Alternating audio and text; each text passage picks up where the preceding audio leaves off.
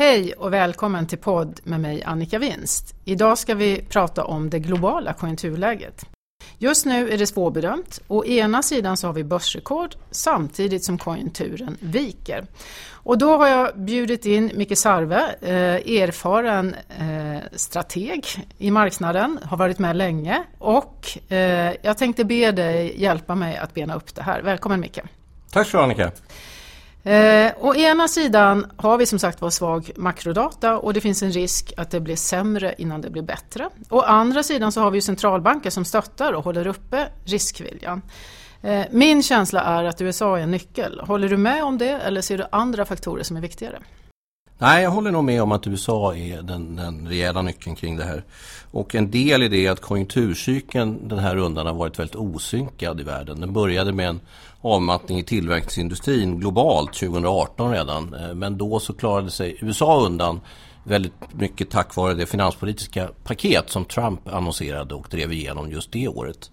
Eh, men nu blir nog frågan eh, inför 2020 om det är så att inte även USA dras ner mer i den här avmattningen eh, på grund av inhemska skäl helt enkelt. Mm. Tittar man på börsutvecklingen till exempel och jämför USA med Sverige eller Europa så har ju USA levererat betydligt bättre, eh, även makroekonomiskt. Ja, helt klart. Och, och, och, eh, och, det är ju så också att USA är ju en mer inhemskt beroende ekonomi än till exempel Sverige och för den delen stora Europa.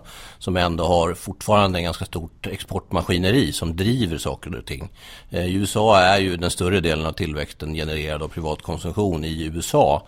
Eh, och, och därav har de också lyckats hålla igång det här bättre. Eh, delvis på grund av finanspolitiska paket. Eh, men även för att det inte riktigt har, vi har inte haft en så pass kraftig åtstramning penningpolitiskt som man historiskt har när man knäcker konjunkturer inhemskt i någon mån.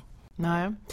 Om vi börjar med USA och makrodata då och nördar ner oss lite i, i den olika statistiken. Vad ser du för risker och vilka möjligheter ser du i makrostatistiken just nu för USA?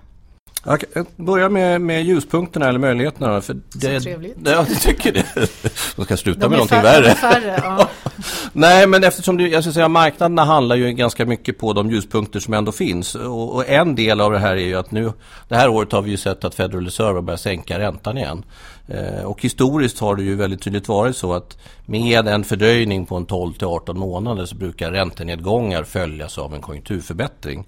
Eh, och det brukar speciellt driva på eh, tillväxtindustrin eh, och kapitalvaruinvesteringar och den typen av delar. Men även då husmarknaden. Så det är klart att i det här läget är det svårt att i USA se några större realekonomiska obalanser. Vi har inte någon husbubbla. Det ser inte ut som att hushållen överkonsumerat. Så skulle ju den här, de här räntesänkningarna då som har skett och som fortfarande pågår eh, kunna driva på en, en, en vändning av konjunkturen till det bättre.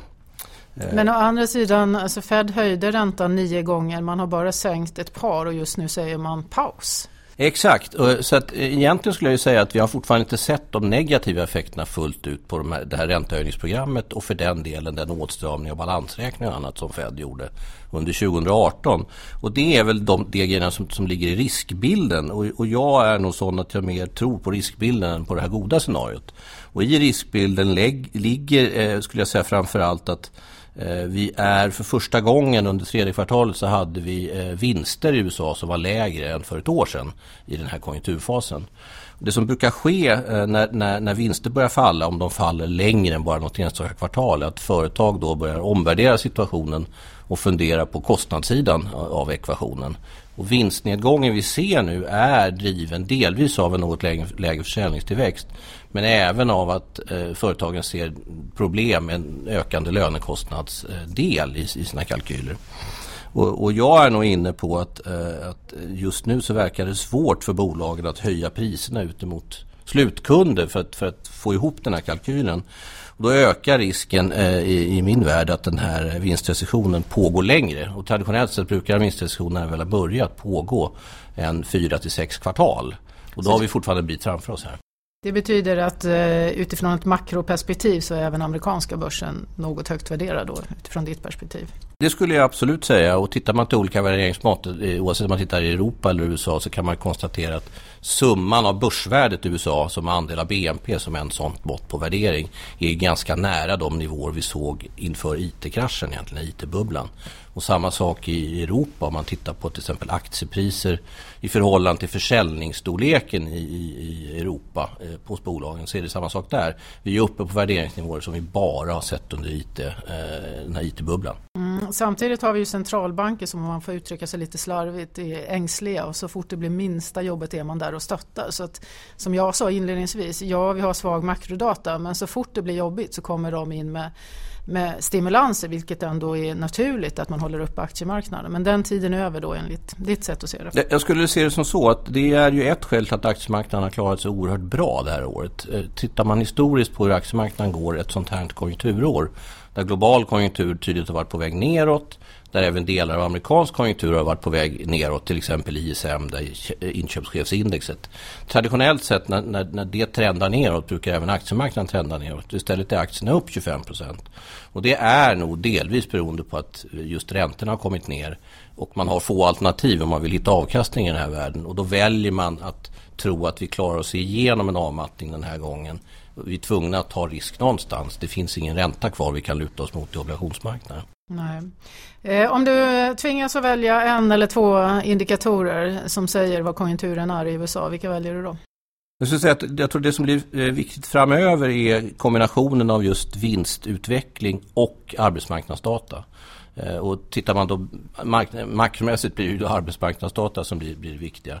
Och de hänger ju ihop för det är klart att få, blir det så att det, det, det, blir en tydligare vinstrecession som ändå är, är mitt scenario här så brukar det, det följas av att arbetsmarknaden försvagas eftersom företagen då eh, gör sig av med folk helt enkelt, anställda. Och för första gången nu här i, i slutet på det här året så ser vi tecken på, i många ekonomier på att ledande arbetsmarknadsdata ser väsentligt sämre ut än vad de gjorde för ett år sedan. Och USA är ett sådant exempel där till exempel småbolagen har börjat signalera att de har inte, de har inte samma drag längre och de är inte intresserade av att anställa lika mycket folk som de har gjort tidigare. Även hushållen i, USA har börjat indikera något mer ljum syn på, på arbetsmarknaden.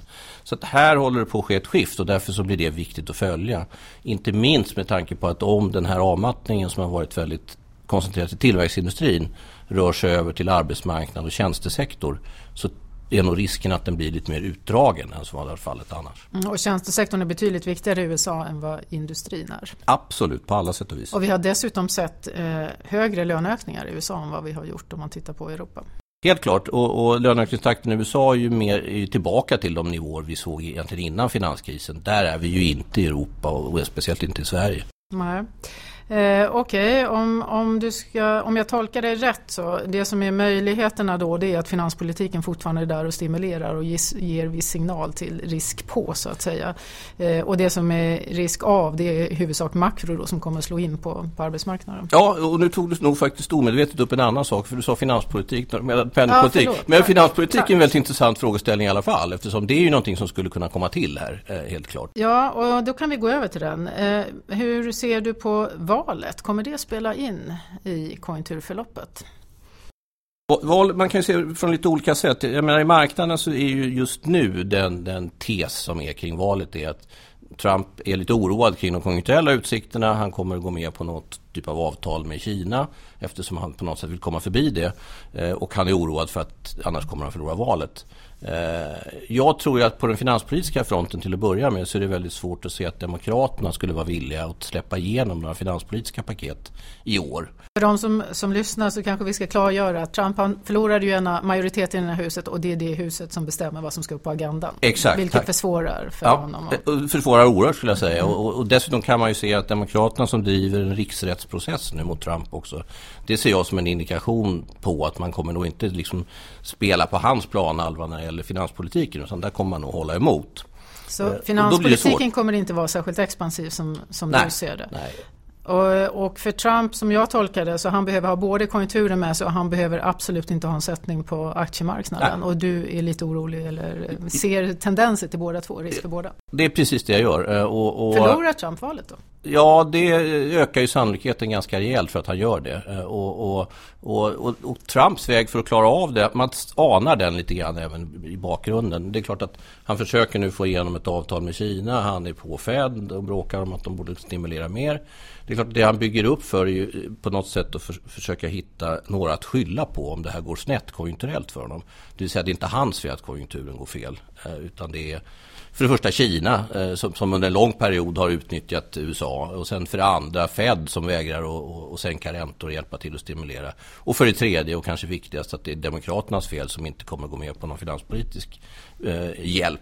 Det vill säga att han försöker flytta skuldbördan från sig själv till Mm. Hans motståndare. Mm, det brukar vara taktiskt bra. Ja.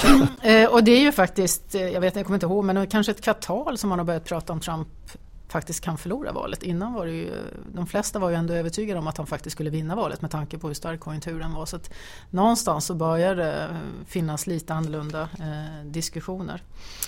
Eh, men eh, vad, vad, förväntar du dig då om vi tar eh, penningpolitiken? Du, du sa ju att eh, finanspolitiken kommer inte bli så mycket men förväntar du dig att Fed kommer att stiga in mer? Ja, de har ju signalerat nu att de eh, pausar för tillfället. Mm. Att just nu så är de ganska nöjda med vad ekonomin är, vad inflationen är. Handelsriskerna tycker de har varit i avtagande. Eh, så, så det, är, det, är, högst rimligt att de därigenom pausar. Tittar man till mina eh, modeller och liknande över konjunkturen så har ju då, jag då en, en, en svagare eh, tro på på konjunkturen 2020 än vad, vad, vad, eh, vad Federal Reserve var. Dessutom är det så att en del av de inflationsindikatorer som pekade lätt uppåt eller har gjort de sista 6-9 månaderna har börjat lite peka åt andra hållet. Jag var inne på det tidigare, företagen signalerar att de har lite svårare att ta ut prishöjningar. Så jag tror att vi har, kommer att ha ett läge 2020 med svagare tillväxt än vad Fed tror och även en inflationstrend som vänder lite tillbaka neråt. Och i ett sådant scenario så, så, så, så är det fullt rimligt att de sänker igen då. Nordeas officiella prognos är att de sänker en gång här under första halvåret. Min egen tro är väl att risken på ett sådant scenario är att de sänker mer så småningom. Mm. Historiskt har ju Fed ofta eh, varit eh, ganska aktiv både uppåt och neråt eh, när man höjer och sänker. Vi hade senast nio höjningar. Eh, om man tar tre, fyra neråt så är det knappt hälften av det som man har höjt och då blir det någon form av mellan cykel här. Ja precis och det är ju det lite grann de, de har satsat sina pengar på att det här är bara en mellancykeldipp och då behöver man inte göra mycket mer. Nej, eh, jag, jag, tänker själv att eh, marknaden har ju lite mer risk på nu det vill säga att man är lite mer optimistisk om handelskonflikten. Brexit tycks liksom eh, bara glida på. Eh, någonstans så har man ju faktiskt inte lösningar på någonting av det här utan riskerna är ju fortfarande kvar och det är inte utan att det känns som att eh, tweet från Trump är natt och så är vi igen tillbaks på, på den utan hur ser du på de geopolitiska geopolitiska riskerna. Har man tagit lite för lätt på dem i marknaden och Fed då, som också tycks lite mer bekväm, eh, har de också gjort det? Marknaden tycker absolut så med tanke på de värderingsnivåer man har drivit upp framförallt börsen på men så säga även företagsobligationer och den marknaden som, som är förknippad till det. Eh, man kan ju också titta på hur mycket marknaderna rör sig. Vi kan prata om volatilitet som är ett annat riskmått som har kommit ner till nivåer som vi inte har sett på ganska länge. Det vill säga att man har helt prisat bort alla typer av risker ur marknaden. Känns sådär med tanke det, på det som pyr. Exakt, och, och, och det, sånt, det, det, brukar oftast eh, vara, vara, vara dumdristigt att prisa bort alla de riskerna. Eh, och det är väl ett skäl till att jag också fortsätter att vara lite mer negativ. Att det, det kommer kunna blåsa till ganska rejält om det vill sig illa. I ett gott scenario så kommer det vara en avmattning som är lite tydligare tror jag vad folk tror. Men det finns också sämre scenarier eh, där det blir ett totalt handelskrig, om det totalt klaschar mellan Kina och USA. Och sådana risker är ju helt bortprisade ur, ur marknaden. Att Fed inte tar höjd för det nu, det förstår jag mer av. Så jag tror att de känner att okay, nu har de gjort sitt för nu och så får de se om de har fel i sitt scenario, då kan de komma tillbaka. Du pratade om att du trodde att eh, konjunkturen skulle bli sämre än vad som ligger inprisat i marknaden. Men vad är din bedömning om man, om man tänker potentiell tillväxt? Kommer vi under det? Kommer vi prata lågkonjunktur i USA? Pratar vi recession i USA? Jag tror vi kommer att prata lågkonjunktur men inte en, en allvarlig recession. Eh, tittar man till, till... Och lågkonjunktur för dig, är det allt under normalt resursutnyttjande ja. eller hur ska man tolka Jag skulle det? säga att eh, skillnaden är väl att en, till, en tillväxt kring 1 eh, skulle jag säga mm. i lågkonjunktur. Så en tillväxt på noll eller strax därunder, då börjar vi gå in i lågkonjunktur. Sen kan du ju prata om ännu värre förlopp. Alltså, ja, 1 är en avmattning. Äh, förlåt, noll är, är, ju mer recessionsförlopp. Mm, mm. Men sen är det ju inte någon kris även om tillväxten blir noll eller strax minus. Utan det blir ju mer om det rasar upp ytterligare. Men, men ner till ett tror jag absolut och där ska man vara medveten om att ser du till vad företag signalerar och det finns en del undersökningar, vd i USA till exempel, breda sådana, som egentligen pekar på att det skulle kunna bli någonting värre, det vill säga att vi skulle kunna komma ner mot en nolltillväxt. Eh, och där är ju inte alls vad prognoserna ligger just nu då. Men i, i, min värld så är det en lågkonjunktur som kommer att leda till en visst mått av stigande arbetslöshet men inte något sånt här kraftigt kraschscenario för jag tycker inte det finns tillräckligt stora reala obalanser och vi hade aldrig eh, extremt höga räntor vilket vi normalt har när, när det smäller till rejält. Nej, man får ju också fråga om centralbankerna eh, vågar skicka in världskonjunkturen i en eh, djup kris. Hittills har de ju varit där hela tiden och stöttat och, och hållit upp. Absolut, och det fortsätter ju alla tecken vara att de gör även nu då. Eh, med, med senast ECB ute och startar om sina QE-program. Eh, huruvida USA har startat om det eller inte går att debattera men de har börjat öka sin balansräkning i alla fall som på något sätt ger stöd till marknaden. Mm. Okej, okay, om vi antar att du har rätt. Vi har en tillväxt i USA på ungefär 1 procent. Eh, jag antar att det är nästa år vi pratar om. Eller? Ja. Vad betyder det för Kina? Jag skulle säga att, att, att Kina, eh, vi har ju sett lite ljushetstecken från Kina från den externa sidan på sistone. Eh, I det att till exempel inköpschefsindex för tillväxtindustrin i Kina har börjat stiga. Den typen av signaler kommer väl rimligen att falla tillbaka neråt igen eftersom USA ändå är en väldigt viktig global efterfrågevärld. Och Eh, tittar man till den inländska delen av Kina kan vi konstatera att redan nu så är det ju stora problem där. Man får inte riktigt eh, i den stimulanspolitik man, man för. Man ser att BNP-ökningstakten gradvis kommer neråt eh, och att inhemska indikatorer vid kreditgivning och annat fortsätter att vara svaga. Och det är klart att det här scenariot underlättar ju inte där utan där kommer antagligen det bli så att kinesiska myndigheterna igen kommer in och, och annonserar fler stimulansåtgärder helt enkelt. Mm. Och i den miljön så får man väl utgå ifrån att Xi Jinping känner sig sig pressad både från hemmaplan men också externt och eh, till det ska man då lägga till exempel det som händer i Hongkong. Absolut. Eh, som som eh, lätt kan få det här att trissas upp på, eh, på det ena eller det andra sättet. Eh, Trump är där och, och, hotar med att man inte ska skicka gummikulor. kan tyckas som en liten sak men i, i det här sentimentet så finns det ju den sortens påtryckningar skulle ju kunna gå överstyr med tanke på hur båda de här Ja, helt klart. Och det skulle ju kunna stoppa den just nu, de just nu positiva signalerna kring den första delen någon form av handelsavtal. Eh, och, och, det finns redan lite indikationer om att det, det, är klart att det gillas inte från kinesiskt håll eh, att, att, USA tar en, en tydlig vy kring Hongkong, eh, som de har gjort. Nej, och eh, USA är viktigt för Europa men det är Kina också. I så fall har vi två stora områden som bromsar in. Hur, och Europa är sargat, inte minst Tyskland, eh, redan i nuläget. Ja, Vad betyder det? Ja, nej, men Tyskland är ju så nära en recession som man kan vara i någon mån. Det är väldigt nära någon nolltillväxt eller till och med lite lätt minustillväxt. Eh, och, och, och, där är, är, är just, just, nu så är det ju så att med tanke på den stimulans som ändå kommer via räntesidan så har, har det ju varit en, en, en tro och den köper jag till stort att just ledande indikatorer i tillväxtindustrin borde se något mindre dåliga ut får man säga i Europa. Det är inte så att de kommer se bra ut, men de kommer nog se något mindre dåliga ut. Problemet blir i ett sånt här scenario att det är klart att osäkerheten är ett viktigt, eh, en, en, viktig del i en beslutssituation för företagsledare. Är du väldigt osäker kring din omvärld och det här är ju ett scenario där man kommer bli mer osäker då tenderar du till att pausa på både investeringsbeslut och anställningsplaner och den typen av grejer. Och då ökar risken ganska snabbt att vi även i Europa ser ett skifte från en avmattning i tillväxtindustrin mer in i tjänstesektorer och arbetsmarknad.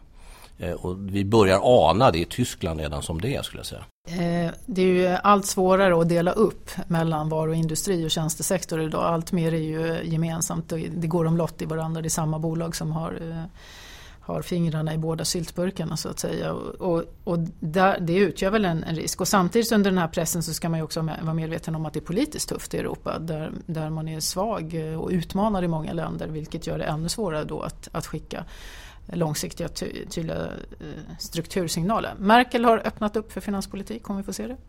Det tror jag i slutändan att vi kommer. Problemet är väl som vanligt i Europa att det brukar komma väldigt sent. Det vill säga att först vill man se att saker och ting blir rejält mycket sämre. Eh, nu har vi sett att saker och ting blir lite sämre. Men normalt sett brukar det ta ännu mycket mer innan, innan de eh, agerar. Eh, eftersom den politiska processen att få det på plats, vad man ska göra, hur man ska göra det. Det är inte som en centralbank som kan sänka räntan från en dag till en annan. Det tar längre tid helt enkelt. Så att det kommer eh, nog komma eh, någon form av, av, av stimulans. Men det lär dröja. Eh, dröja tror jag. Är det klokt? Det tror jag att för vissa länder är det absolut klokt. Eh, Tyskland har gott om möjlighet att göra det relativt andra länder i Europa. Sverige har ju hur stora utrymmen som helst om vi skulle behöva göra det. Så, att för vissa länder är det. För vissa länder som inte har, som på något sätt misskött sig historiskt, är det väl mindre klokt. Men, men mm. ta Tyskland och Sverige som goda exempel på var man kan göra något. Länder som i alla fall idag har förtroende. Exakt. Mm. Eh, om jag ska summera ihop det här, tiden börjar rinna mot sitt slut, så tolkar jag det som att vi har inte nått botten utan det blir sämre innan det blir bättre. Men, men var är botten? Är, den, är det som sämst 2020 som du ser det? Eller? Jag tror rent konjunkturellt om man tittar till trenderna i konjunkturen och speciellt med tanke på att jag tror att USA börjar ta över lite så, så är min känsla att det kommer vara eh, eh botten under 2020 och att det är någonstans sent 2020 borde det börja vända till det bättre igen. Hinner Trump få med sig det innan valet? Förmodligen inte. Jag skulle nog gissa, och, och det kanske jag är ganska ensam om här på den här sidan Atlanten, och tro att han nog inte kommer vinna det här valet. Vi får se, det blir spännande. Eh, är det något annat som jag har missat att fråga om som du vill tillägga om man tänker global konjunktur? Jag tycker, nej, som vi var inne på, jag tror att USA ändå är nyckeln. Den, de är ofta nyckeln i, i just den, de här skedena av, av det hela. Och, och, och, och, så tror jag det blir fallet även den här gången. Okej, okay. ni som lyssnar, ta höjd för att det blir värre innan det blir bättre. Eh, stort tack Micke för att du var med oss och stort tack ni som har lyssnat.